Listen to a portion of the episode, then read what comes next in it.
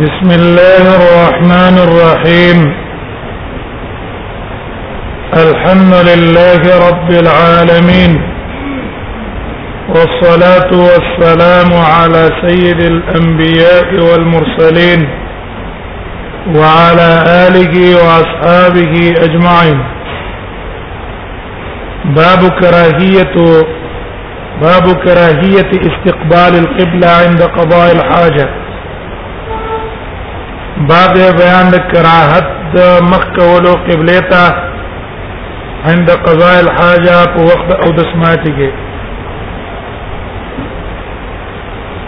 مصنف رحم الله د استقبال او استدبار په اړه کې دوه باب راوړي اول باب یې د کراهیت په وخت او د سماعت کې قبله ته مخ کول یا شا کول لا مکروه دي نو بیا ورپسې رسو باب راوړي باب الرخصه فی ذلک چې قبله ته په وخت او د سماعتي کې تشیاړک دا جائز ده د ناروانه ده دا ولې کوي ځکه چې اختلاف ته پر روایتو کې په ظاهر کې دیو جن مصنف دوه بابونه کې قصت او دا اختلاف د روایتو د وجنه د علماء په منځ کې اختلاف راغلی دی چې غرست بیانو تقریبا اتا اقوال للعلماء وبه قال حدثنا مسدد بن مسرد قال حدثنا ابو معاويه عن الاعمش عن ابراهيم عن عبد الرحمن بن يزيد عن سلمان ده سلمان روایت ده سلمان رضی الله عنه دغه کنیه ابو عبد الله الفارسی لقب فارسی ده عام مشهور ده په سلمان الخير دام در رسول الله صلی الله علیه وسلم غلام ده زګر دی يهودي سره مکاتبت کړو او رسول الله صلی الله علیه وسلم هغه آزاد کتابت ولوکړه زنه چا د دې نسب په باره کې ته پوسو کړو ستان نسب څه ده دوی ویل انا سلمان ابن الاسلام وإذا سلمان ما ابن الاسلام الاسلام زیما دا پاتو کې جبال اقینه ده جبال چې دا جبا قريه قريه من قراص بهان اصفهان چې ایران کې ځای ده هغه کې یو کلو دیم قول دا چې نه اصل رام هرمز ده رام هرمز رپلار دغه علاقه غت خانو او دا علاقه مشهور دا ذکر مجوسو دورونه عبادت وکاو نو دا پلارم اصل کې د مجوسو دینی پېښواو راهنماو او د په نگرانۍ کې به اورونه بلېدل د پاره د عبادت د سلمان پلار ته ډېر سخت ګرانو هر وخت په نظر ساتو او دیم کوشش چیرې دا بلوغ ته ورسیږي او د بلوغ نه بعد دا په دې امور د دین باندې په دې باندې مشر مقرر شي او دا دینی مسند کوم چې د مجوسیت ته د عادت ملاو شي یو ورځ د پلار په څه کې مشغولو مسلمان ته ویل چې تلاش شاه ورشه پټی تا او په پټو باندې نظر او ساته وګوري اشار نشي زر برازي ستاده اشاره دل په ما باندې ډېر څه ګران لګي سلمان کله تر نه چې بار تر وته بلار کې او راهب پوری غلو اغا انجیل استلو سلمان ته غوږ کې کوڅه ډېر سخت متاثر شو او ته ویل چې یاره د دین کې داخلي دل غواړم او ارس اصل دې به کوم دینه معلوم کوم چې دا اصل ز معلومات وکم هغه ته چې اصل زمنګ مشران په شام کې او کله چې شام نه قافله رااله واپس شام ته تلا نو ته به هغه سمرګره شي بس دوی ته چې ټیک ته شام قافله رااله ما به خبر کې زبا صلاح شم سلمان رضی الله عنه چې کور ته راغی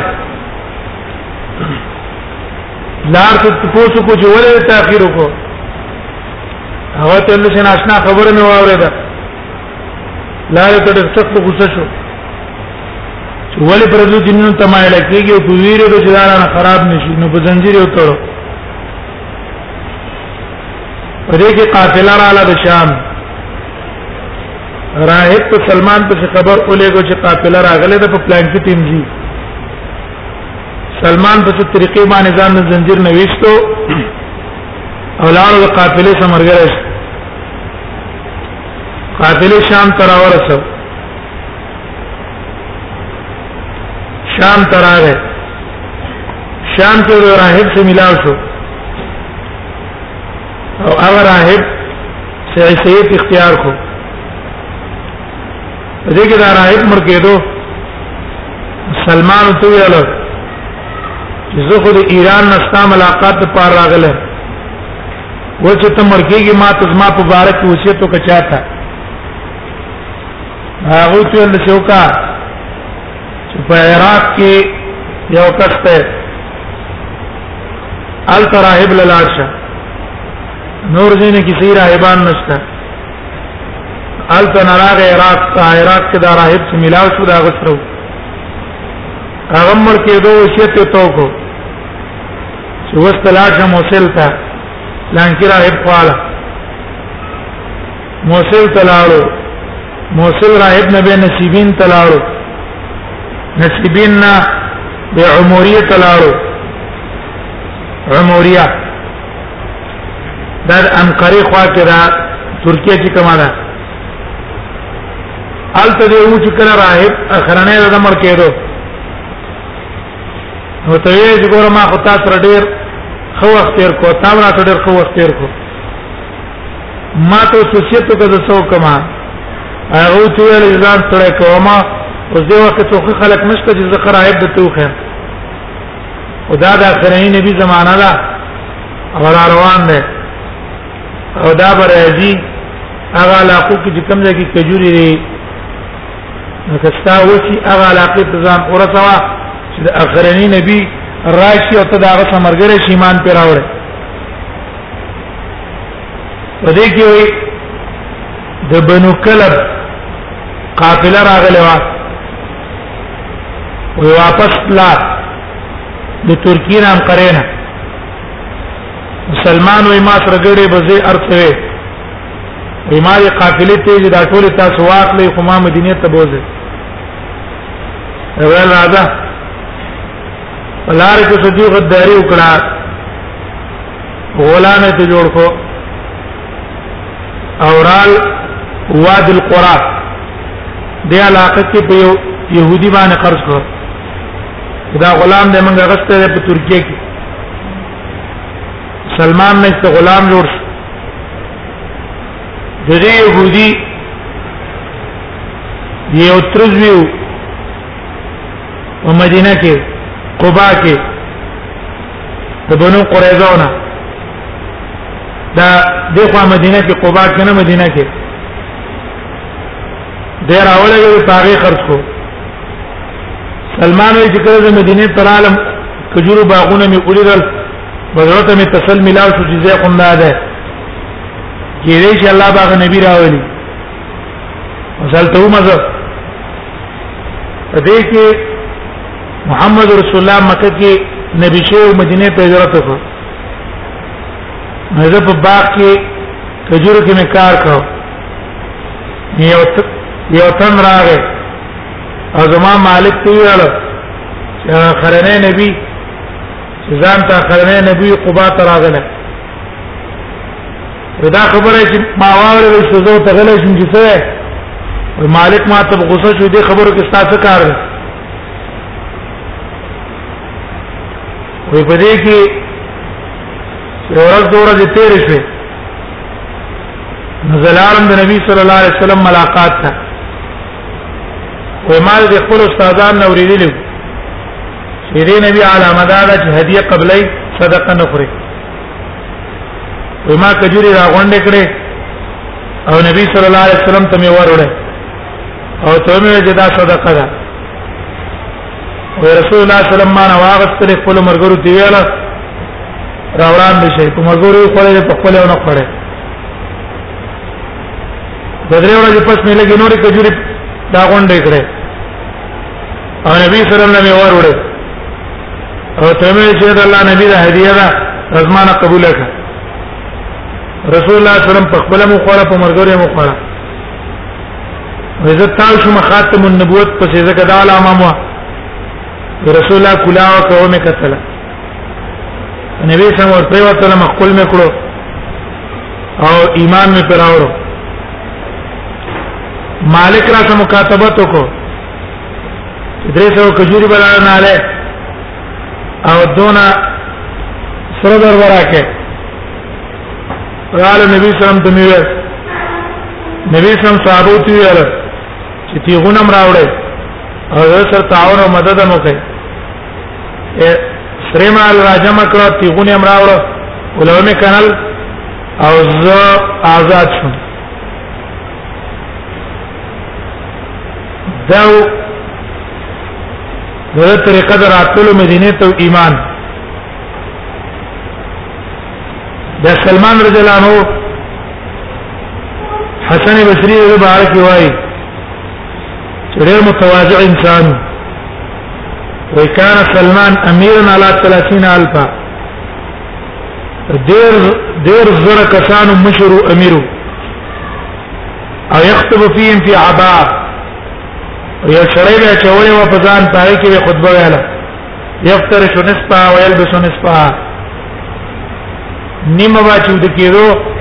نن څه اعلان دي بستر جوړ کړه سره پاس لستان جوړ کړه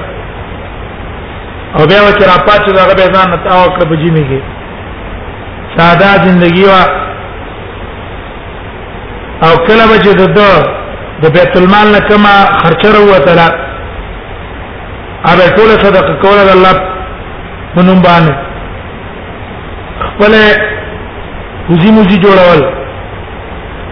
او یاکل من کسب یده د خپل لاس کسب نه خوراک کو ټول روایتونه دنا نقل شوی دي شپېتر روایتونه دنه نقل لې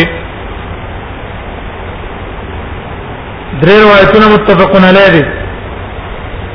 او انفرد البخاري بواحد امام بخاري انفراد په یو روایت کړه او مسلم انفراد په درې روایتونو کړه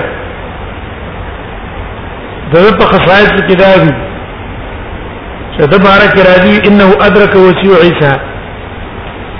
دا هغه چا سره ملاقات شوه چې کوم د عیسی علی السلام وصیو چې عیسی علی السلام سره ملاقات شوه او ته وصیت کړو نداس سلمان دا کس سره ملاقات کړو دا سره صحابي سره ملاقات کی دې مندل او عام مشهور د بارک زاده دویم سو کال عمر سو کوئی درې سو کال عمر درې سو کال عمر زابی سے به پدی باندې رد کړه به نور علماء یې دې شي خبره نه ده الله تعالی دونه عمر ور کړی ها بغوی د بارک وای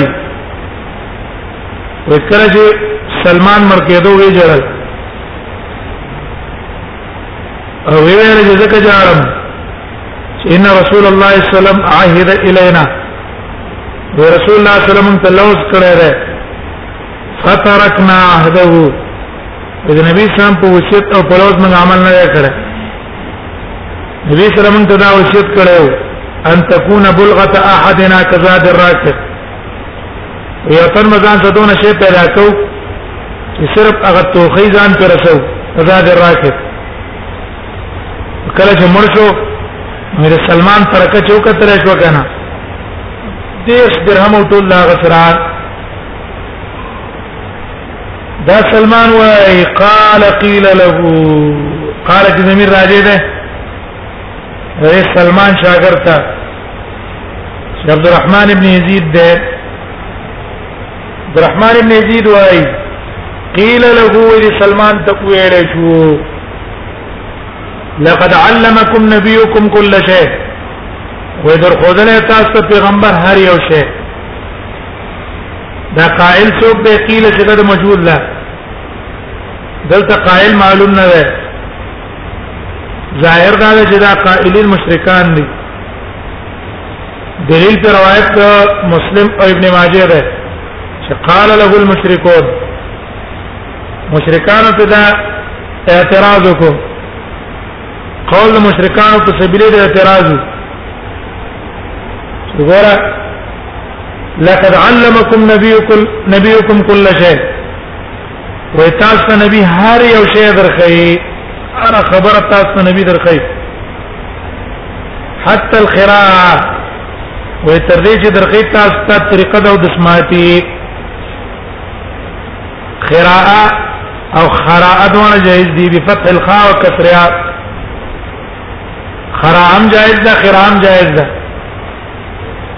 معنی د قضاء الحاجه او اطلاق اصل کې په غائب خارج باندې هم کیږي اگر نګی تم خیر خرا او خرا او دغه او د سماعتي طریقې تم خرا او خرا وي بعض علماء د مکسور مکسور الخاء او د مفتوح الخاء په منځ کې فرق کړه وای په فتح باندې معنا سره قضاء الحاجه علمکم نبیکم کل شین حتى الخراءه په په دغه قول مطابق خیبانه فتح ده در خدای تاسو ته نبی هر شی تر دې چې الخراء طریقه ده او د سماعت او په کسره سره مراد غائب ته غائب هغه او د سماته هغه ته ورګي زم کول دا ده چې نه دا مشترک دی د دوه په منځ کې خراء خراء اطلاق په غائب باندې هم کیږي او په قضاء الحاجت باندې هم کیږي و تاسو ته رسول الله صلی الله علیه وسلم ارشه در خودله تر دې چې طریقه دا د سماعت ته در خودله غرض د دې مشرکانو هغه دا چې ګوره دا خو امور تبعیدی ارچا ته معلوم دي دا خودله ته هیڅ ضرورت نشته قال سلمان ته په جواب کې ویل اجل او اجل په معنا د نعم ده لقد نهانا صلى الله عليه وسلم ومن من کړي نبی صلی الله علیه وسلم د دینا ان نستقبل القبلة بغایت او بول چې موږ مخ کو قبله ته بغایت په ډک او دسماتي او بول نه په تشو دسماتي رسول الله صلی الله علیه وسلم دینه من کړي نستقبل القبلة بغاية نوبول سلمان دا جواب کم بنا ده ګور هغه تاسو نبی عليه شه ده خدله او دو ته یا رسول الله صلی الله علیه وسلم دینه منه کړی او ډیر باندې امر کړی نو دا جواب د کومې قبيله نه ده آیا دا رد ده داغه د اعتراض او کنا داغه جواب ته سره تعارض کړی نه دی یعنی راځه استاد اعتراض جواب دار دی بلکې سلمان را لګیدل د د د اعتراض په منځله د سوال ګرځول استا مقصد اعتراض نه بلکې ته تپوس ته غرض ده او من رسول الله دا خودري دا نه دي خودري دیم جواب تا اسلوب الحکیم وای نو تیبی سے وای چې جواب سلمان من باب اسلوب الحکیم وای جواب د سلمان بنا ده د قبيله د اسلوب الحکیم نه ده اسلوب الحکیم څه معنا ده اسلوب الحکیم دې ته وای چې یجاب السائل مناسبا لحاله ته سائل ته داغه د حال مناسب جواب ورکې برابر خبره ده دا ستا جواب داغه د سوال سره منطبق یو کنه په تو ته ما دا مسئله ته پرې دې ته پوښتنه کې ستا دې مسئله ته ضرورت ده دا مثال دی دا ده یا تن تان ته پوښت کې جو استاد جی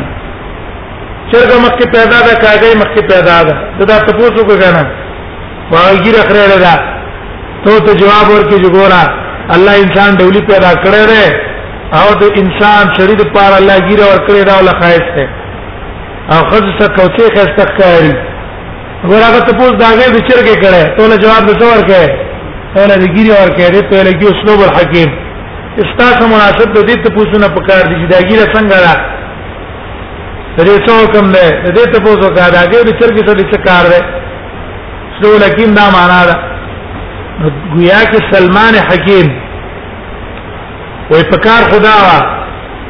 چې دې مشرک کلا استهزاء وکړ په نبی صلی الله علیه وسلم پورې ورما تاسو پیغمبر ارشه تاسو ته کوي تر دې چې طریقې ده او د سنم تاسو ته کوي نو پکار دا وا چې دل دمکی ورکړې شه دمجي او په دې جواب کې هغه چپ کړی شوی لیکن سلمان د استهزاء ته نه قتل چې تګین ټوکې غرض ده او که اصل غرض ده بلکې جواب ولور کو پشان ته د هغه چا یعنی تپوس کړه په بار د دې طریقې کې گویا چې سلمان او دی ویل چې مړه ته دې طریقې په بار کې تپوس کې راشه ته ته طریقه درو خیم چې آو قبله ته مخکې نه خلاف من استعماله ټیک دا امور طبيعي دي ولیکن دا آداب چې دې تقاضا نه کوي بلکې دا آداب مونږ ته چاره خو دي مونږ ته محمد رسول الله را خو دي طبیعت خدا وي چې بس اودس مات کا دا لحاظ پکې مکه او کولاړې کې پناستي قبله ته مخ کې کشای خیلا استعماله کې چپلا استعماله دا شیخ طبیعت نه وي کنه دا مونږ ته محمد رسول الله را خو دې لري دا من جواب من اسلوب الحکیم شو ویا کې سلمان رضی الله عنه دا سائل وګرځاو په منځله ده چې السائل المجيب هغه سائل چې هغه په دې سوال کې ډېر مهنت کوي چې په دې خبره ځان پیږي دویم احتمال لاره چې دا جواب ته دا هغه سوال جواب ته دا هغه سوال سلمان له جواب ورکو ګورا دا ته چې کوم وې چې ګور رسول الله صلی الله علیه وسلم تاسو ته هر شی در خو دلاره او استاد ګمان دا دی چې دا سبب ته د استهزاء سبب ته ټوکو کول پیغمبر پورې چې ما پیغمبر ورته تاسو ته کوي دا شي نه در خو دلاره جواب دا دی چې ګورا دا سبب د استهزاء نه ده بلکې دا د شي امور دی چې د دې په ذکر کولو سره په غټ مجالس او د عقلا په مجلسونو کې په سره بدی نه کاری شرمېږي په نه ځکه دا د څه کمالات دي چې دې کمالات ته عقلا رسیږي نه ترڅو پر رسول الله داغه بیان نه کړه ستا حکمان دار دي نه سبب د استهزاء ده دا سبب د استهزاء نه ده بلکې دا د امور دي چې عقلي خزني کله چې د دې په تفصيلات باندې پويږي دیو جنا منګه دا مسلې پټو نه بلکې د عام خلکو په مجموع کې دې بیانو اورا شتاته مس بیانوما لقد نهانا صلی الله علیه وسلم پتا کې موږ منع کړی صلی الله علیه وسلم د دینا ان نستقبل القبلة چې موږ د مخ کو قبله ته ان نستقبل القبلة قبله ته مخ کول څه معنا ده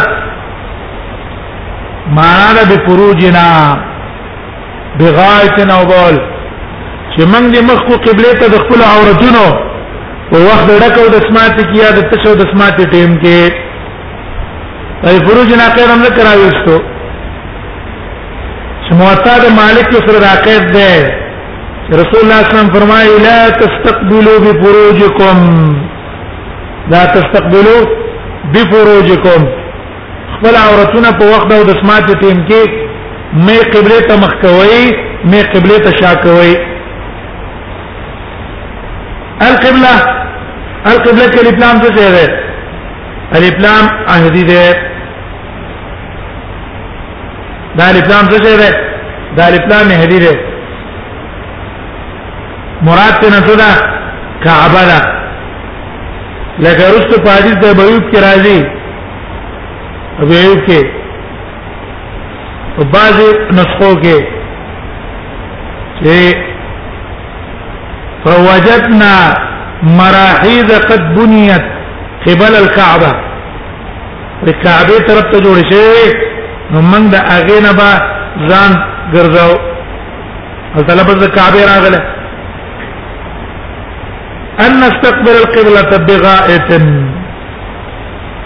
اول لفظي معنا او کوي بیا ورسته حکم بیانو غایت ویل کی په اصل کې المکان المنخفض من الارض هغه ځای ته ویل کی چې کم پزماکه کې لاندې کند چوتو کند بیا ورسته دا غایت نوم ګرځیدل دی للخارج للخارج المعروف من دبر الادمي هغه ګندګي د پاره نوم ګرځیدل چې کوم د انسان د شاته شي نه زی اته غایت وای ادا تسمیه ده د مکان تسمیه د محله تسمیه ده د حال اسم د محل ځکه اکثر غایب پر رقم به کیږي نو ځکه نیمه ولکه قصو تسمیه د حال اسم د محل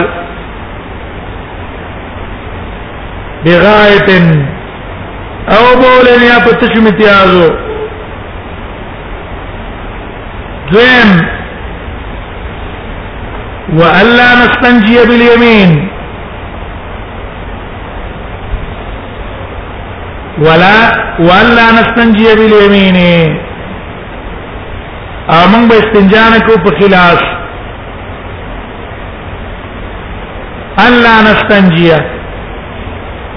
دې احتمال لا لري چې الله زائد ده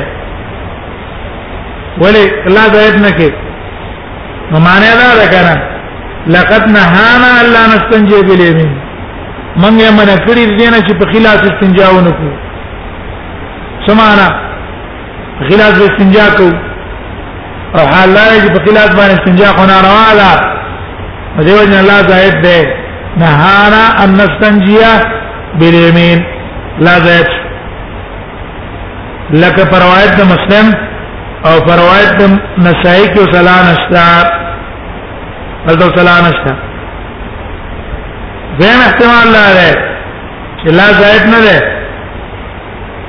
لا غیر نه ده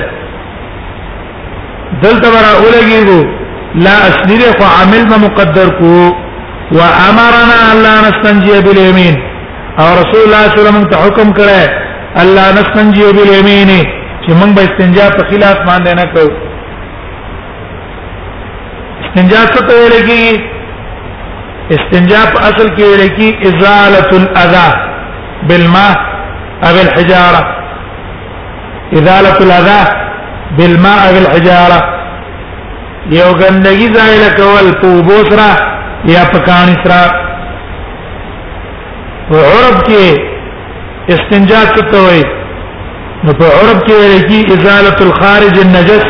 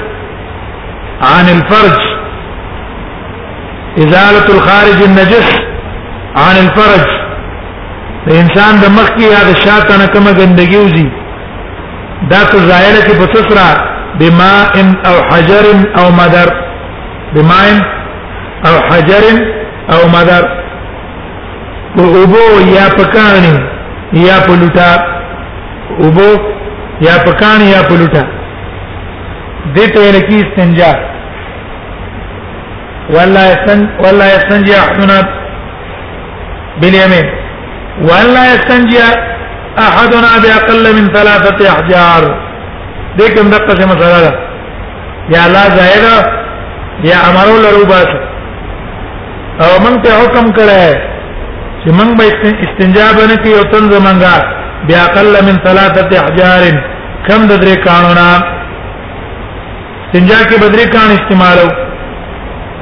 درې کان درې کان به استعماله به طریقې څه ده کیفیت په حدیث د عبد الله ابن عباس کې راغله حجر للصفحه اليمنى یو کان به خي طرف طرف باندې راکاږي وحجرا لصفحه اليسرى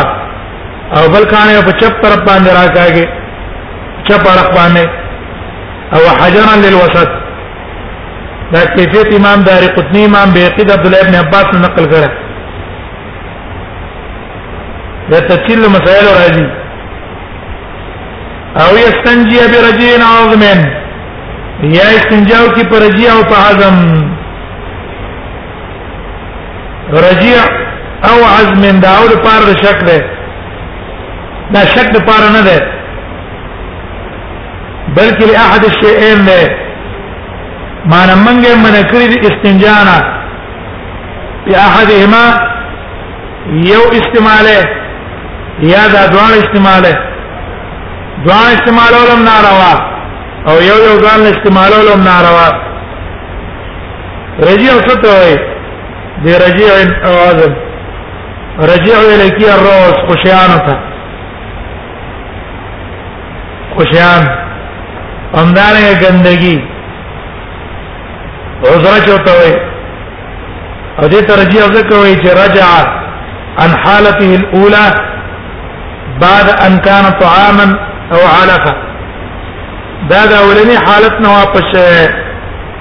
مخکې دا طعام او علف وست خو شیان جوړ شو وست خو شیان جوړ شو او ګوره روز ته روز روز نو روز په لکی خو شیانو د زوات الحافر خو شیانو د زوات الحافر دغه اشو دا غي تیرګي دا او عظم نه اړو کې وجه علتنا به رست ان شاء الله بیانو چې راجع دا ده چې رجع او عظم په دې ځکه استنجا جائز نه ده چې دا تو عام نه پیرانو هغه لپاره خوراک ده اوله مسله پاریس کې شوه ان نستقبل القبلة بغائط او بول دا مسله مشهوره ده د علماء په منځ کې استقبال القبلة واستدبارها او ډیر اقوال دي د علماء په دې کې او سبب د اختلاف مخکې مونږ ویل چې هغه اختلاف د روایت ده بعض روایتونو کې معنا ده بعض روایتونو کې جواز ده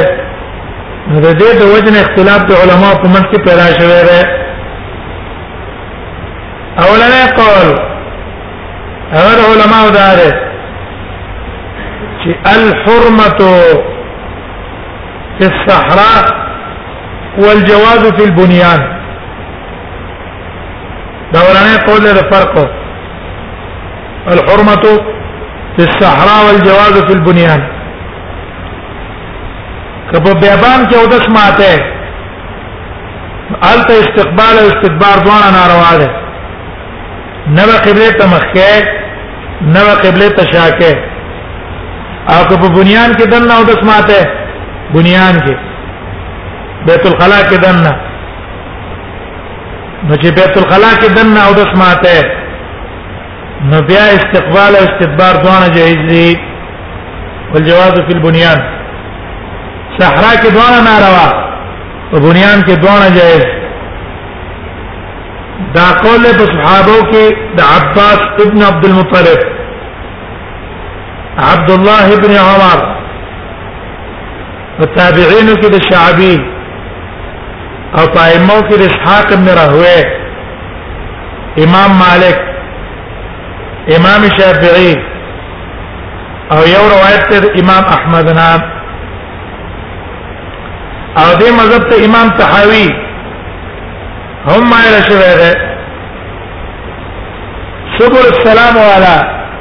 الامير اليماني سبل السلام کې وایي هو اقرب الاقوال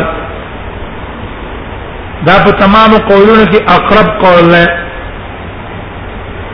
حافظ ابن حجر فتح الباري کې هو اعدل الاقوال دا په تمام قولونو کې د عدل قول نه او د سیندی صاحب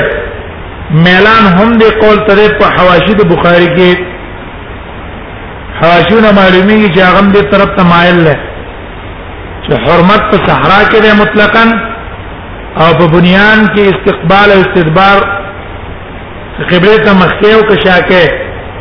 دا دوه جایز دي دی علماء استدلال نیولې پادیس د عبد الله ابن عمر رست راځي باب رخصت بذالک رأيت رسول الله صلى الله عليه وسلم بنتين مستقبل بيت المقدس لحاجته ګور رسول الله صلی الله علیه وسلم په بنیان کې بیت المقدس ته مخ کړی دی کعبه ته شای کړی دا دغه بیت المقدس ته مخ کې کعبه ته اشاره راځي او مدینه کې حدیث جابر ده حدیث جابر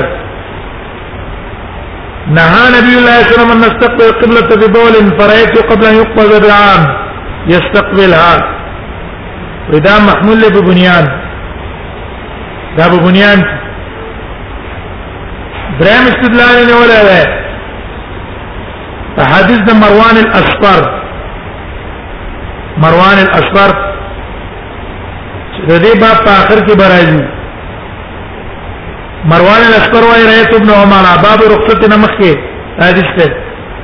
رایت ابن عمر انا خراحلته مستقبل القبلة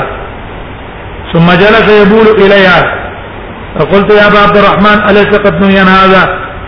وما ترورين استقبال استدبار نگی من نظر اغله قال بلى انما نهي عن ذلك في الفضاء ټیک من ترى اغله واذا سړی په بیابان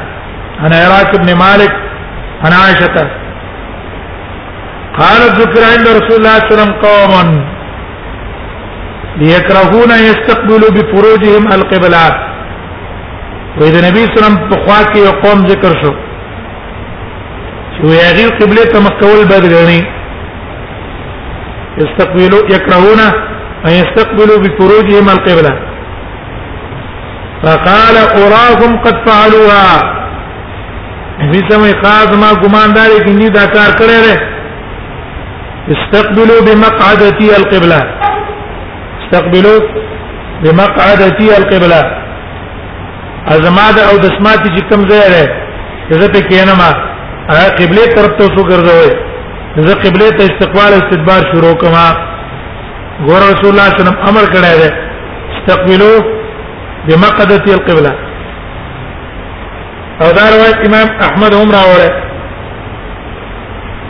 ها دا علما را لګی دي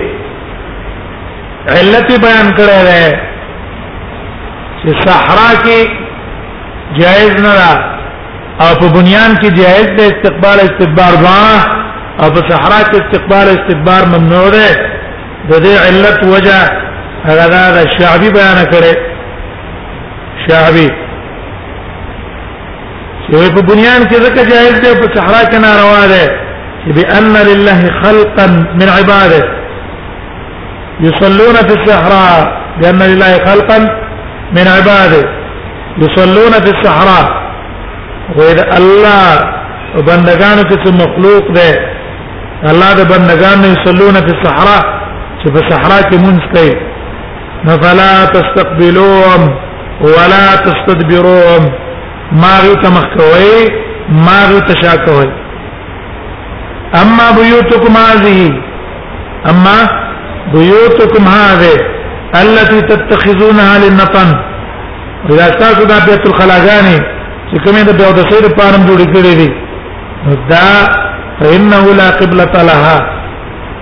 د دې قبله شته ده نو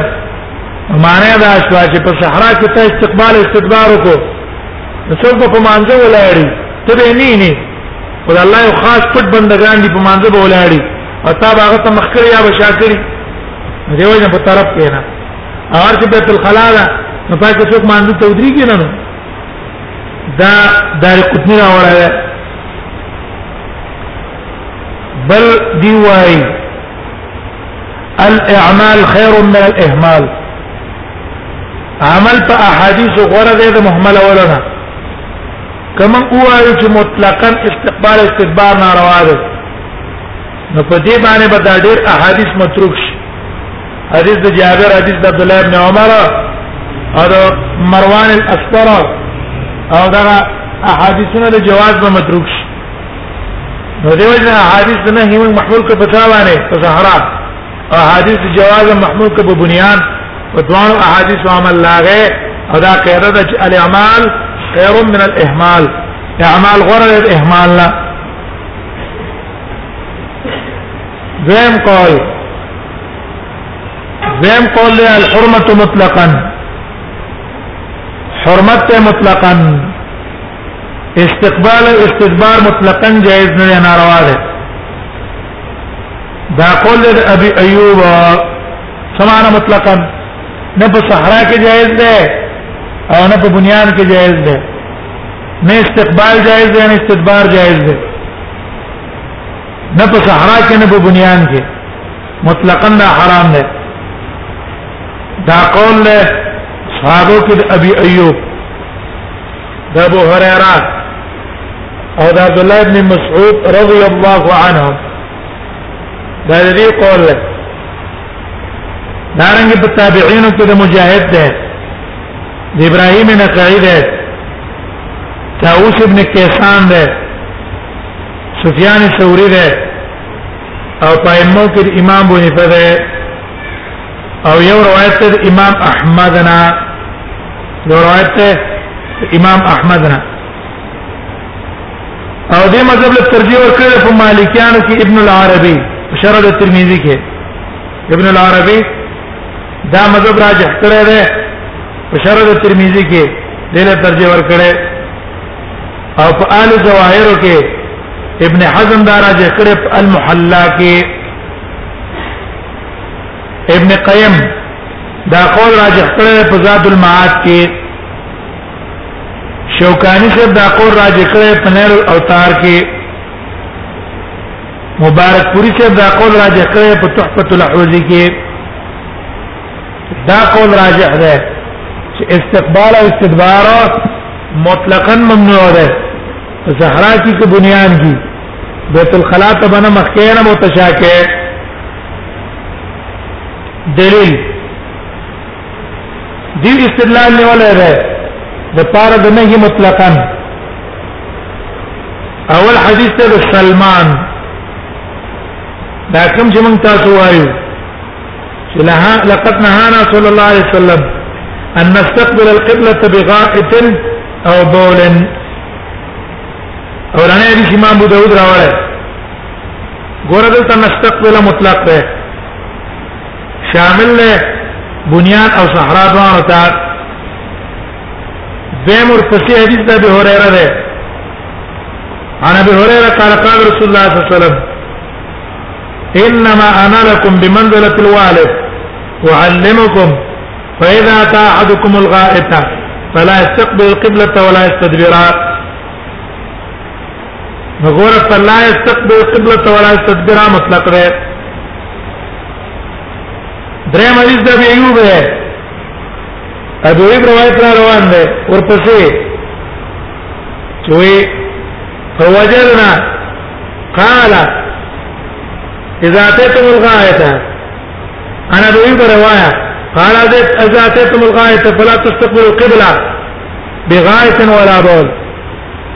ګوره فلا تستقبلوا مطلق ده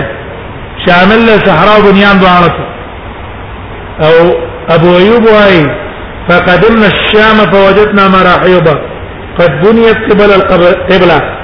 فكنا ننحرف عنها ونستغفر الله ومن دا غینه تاسو استغفار بند الله نه غوښتلو راوی پر روایت څه کوي ورته بنيان کې دنه څه کړه ده استقبال استدبار نظام ساتل ده او الراوی ادرا بروايته سلورم پسې استدلال له د معقل ابن ابي معقل الاشعري قال نهى رسول نهى رسول الله صلى الله عليه وسلم ان نستقبل القبلتين ببول او غائط هذا استدلال نه ولا پنځم دې استدلال نه ولا ده حدیث د عبد الله ابن الحارث ابن جزعه عبد الله ابن الحارث ابن جزعه الزبيري هغه استدلال نیولای قال انا اول من سمع النبي يقول واذا اول اغسوك مسجد رسول الله صلى الله عليه وسلم يوريه لا يبولن احدكم مستقبل القبلة يا تن تاسو د قبله ته مخامخ متیاز نه کوي انا اول من سمع يقول النبي يقول لا يبولن احدكم مستقبل القبلة وانا اول من حدث الناس بذلك ورضا ولنا اغه کسمه چې دا رښتینی خلکو ته بیان کو دا روایت ابن ماجه ابن حبان دوه راوړل شپږم دلیل دی دا ده وګوره دا منع د استقبال استدبار نه چراغله چې نبی صلی الله علیه وسلم مونږ ته وایي چې قبله ته مخ کوي مو ته شا کوي د دې منع علت څه ده نو علت منع هغه ليس الا تعظيم القبلة مقصد په کې تعظیم د قبله ده مقصد په کې څه ده تعظیم د قبله ده او هو يشمل الصحراء والبنيان او دا تعظیم د قبله په صحرا کې هم نه په بنيان کې هم نه په صحرا کې هم تعظیم د قبله کې او په بنيان کې به هم تعظیم د قبله کې او مقصد ته نه تعظیم ده دیو جن دوانو کې با دا کې اوس ته دا وې ته دا وې چیرې په بنيان کې ځکه جائز ده چې د ستاو قبله په منځ کې حائل نه او په صحرا کې ځکه جایز نه ده چې ستاسو د قبله په منځ کې حائل نشته نو ولو جاز فی البنيان لوجود الحائل کبه بنيان کې دا استقبال جایز یا استدبار د وجد وجود د حائل نه یا ستاسو د قبله په منځ کې دیوال حائل شوی دی ولا جاز فی الصحراء النائته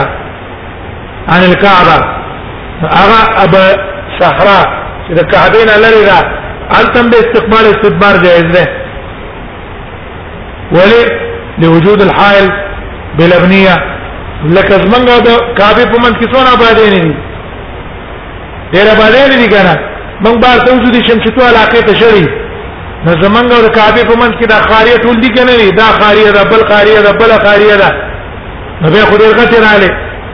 او خاص کر عند کلیه الارض ایسمن کوان کې آبادې نه دي کم دي غرونه دي او خاص کر چې کله به کلیت قسمه کې وایو قسمه کې قره وایو نو موږ دلته کعبه غا طرف ته بیا خو موږ استقبال استدبار فرض کې جایز ده بلری ده کې جایز ده حالانه تاسو بلری صحرا کې استقبال استدبار جائز نه وای صرف بنیان کې جائز دی وای پاتې شو کوم چې شابي قول کړی دی چې نه په صحرا کې عبادت کوون کړي راغي جواب دار دی چې اول هغه کمزور دی اقول کمزور دی او که صحیح شي هغه به تعلیل له په مقابله النص هغه تعلیل له مقابله د نص کې او علت په مقابله د نص کې هغه اعتبار نه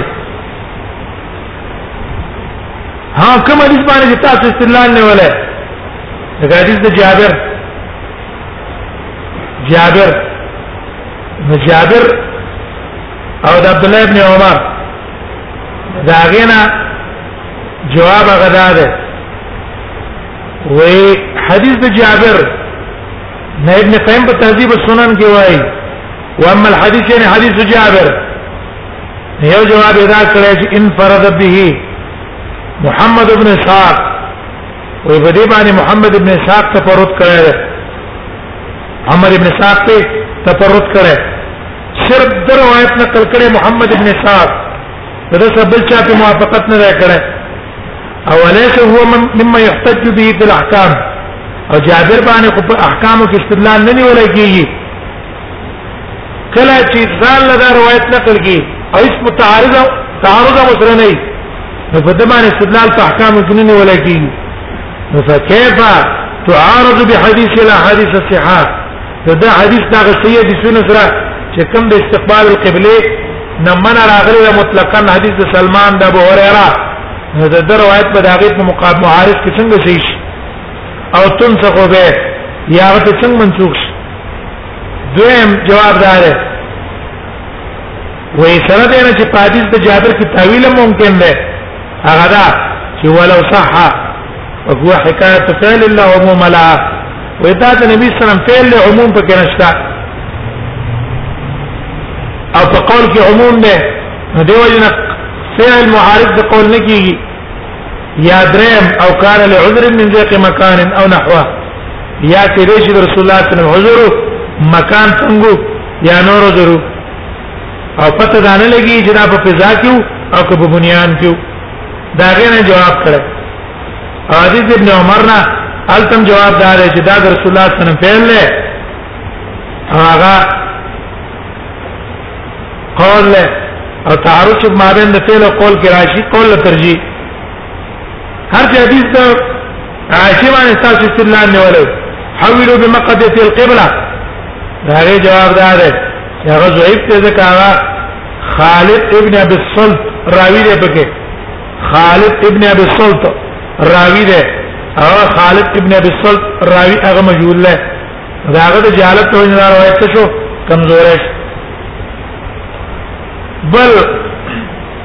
قول الجواز مطلقا دریم قول له الجواز مطلقا مطلقا استقبال استدبار جائز ده که په صحرا کې کې په بنیان کې دا مذهب عاشر ہے اور ابن الزبیر ہے ربيعه الرائي ده او داوودي ظاهري ده دا علما وايي استقبال او استدبار په صحرا او بنيان دوه کې جائز ده استدلال یې ولې په حدیث ابن عمر عبد الله ابن عمر او نبی صلی الله علیه وسلم ما ولیدلو رایت هم یې دلو علی لبنتين مستقبل بیت المقدس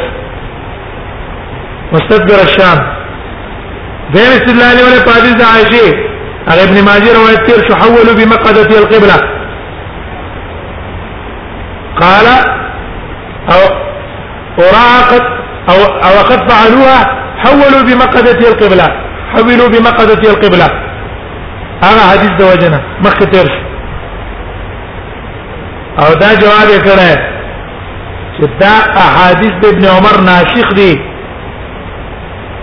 راځي دا ناسخ دي د پاره هغه مخینو حدیثونو لیکن دا قول لري کمزور دی وجدارا نسخ به اول قول کو عند تعذر الجماعه چې کله د روایتونو په منځ کې جمع ممکن نه وي نو بیا به قول د نسخ کو او دلته جمع ممکن نه ده لکه رسته منګه کو زم نبی صلی الله علیه وسلم چې مخکره له فعل له او نه یې چې کړه د قول له او فعل رسول الله صلی الله علیه وسلم ناسخ د قول لپاره نه ګرځي ځکه فعل کې احتمال له تخصیصي په قول کې احتمال له تعمیمي بل مذهب سلورم منع الاستقبال مطلقا او جواز الاستدبار مطلقا استقبال نه په بنیان کې جائز ده نه په صحرا کې جائز ده او استدبار مطلقاً جائز ده که په بنیان کې او که په صحرا کې دا قول یو روایت دی امام احمد نه او د بعض اهل ظاهر مذهب ده استدلال نیولې په حدیث سلمان غور سلمان پر روایت کې دا دی ان نستقبل القبلة بغائط او بول د فاتح سلمان کې منه سره راغله د استقبالنا استقبال دښوا استدبار منه نه ده لیکن دا قول لږ کمزور دی ولې کې فاتح زمانه کې استقبال راغله فاتح سلمان کې ولان حدیث د ابو هريره کې ولا استدبار امر نه استدبار نم راغله کنه دا خو علاوه چې صرف حدیث سلمان وې حدیث د ابو هريره کې منه سره رااله منه د استدبار نه هم رااله نو د دې وجه دا روایت د دې کمزورې ده او دا حدیث د ابو هريره کې زیادت ته عمل په جائز ده پنځم قول اغا د من الاستقبال مطلقاً منع الاستقبال مطلقا صحرا کې به مخکې نه نه په بنیان کې مخکې ها استدبار په صحرا کې ناروا او په بنیان کې جائز استدبار په بنیان کې جائز په صحرا کې ناروا فرق باندې پیښي مخکنی قول کې استدبار مطلقاً جائز دی که بنیاري که صحراي استقبال مطلقا ناروا دی قول کې استدبار استقبال مطلقا ناروا خو استدبار په بنیان کې جائز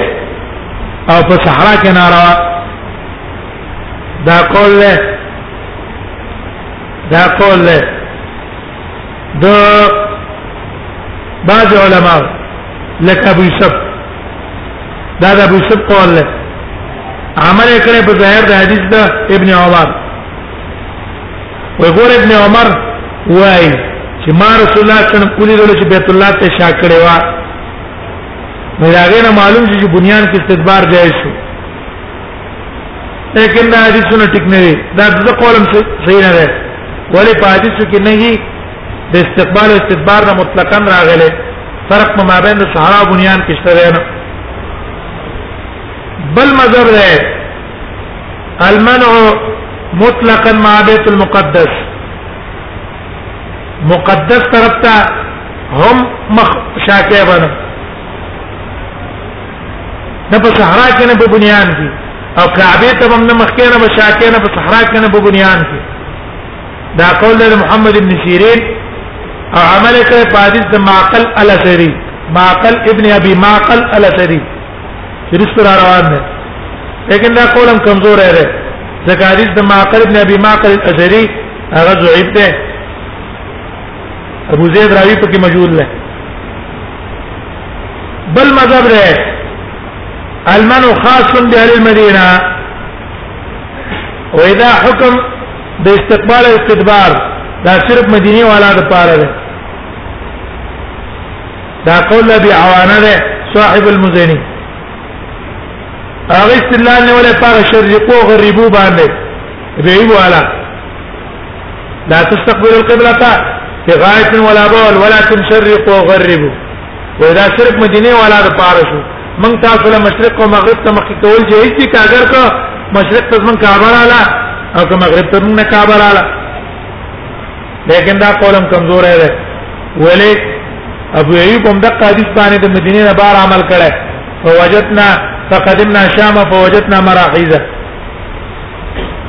اتم قول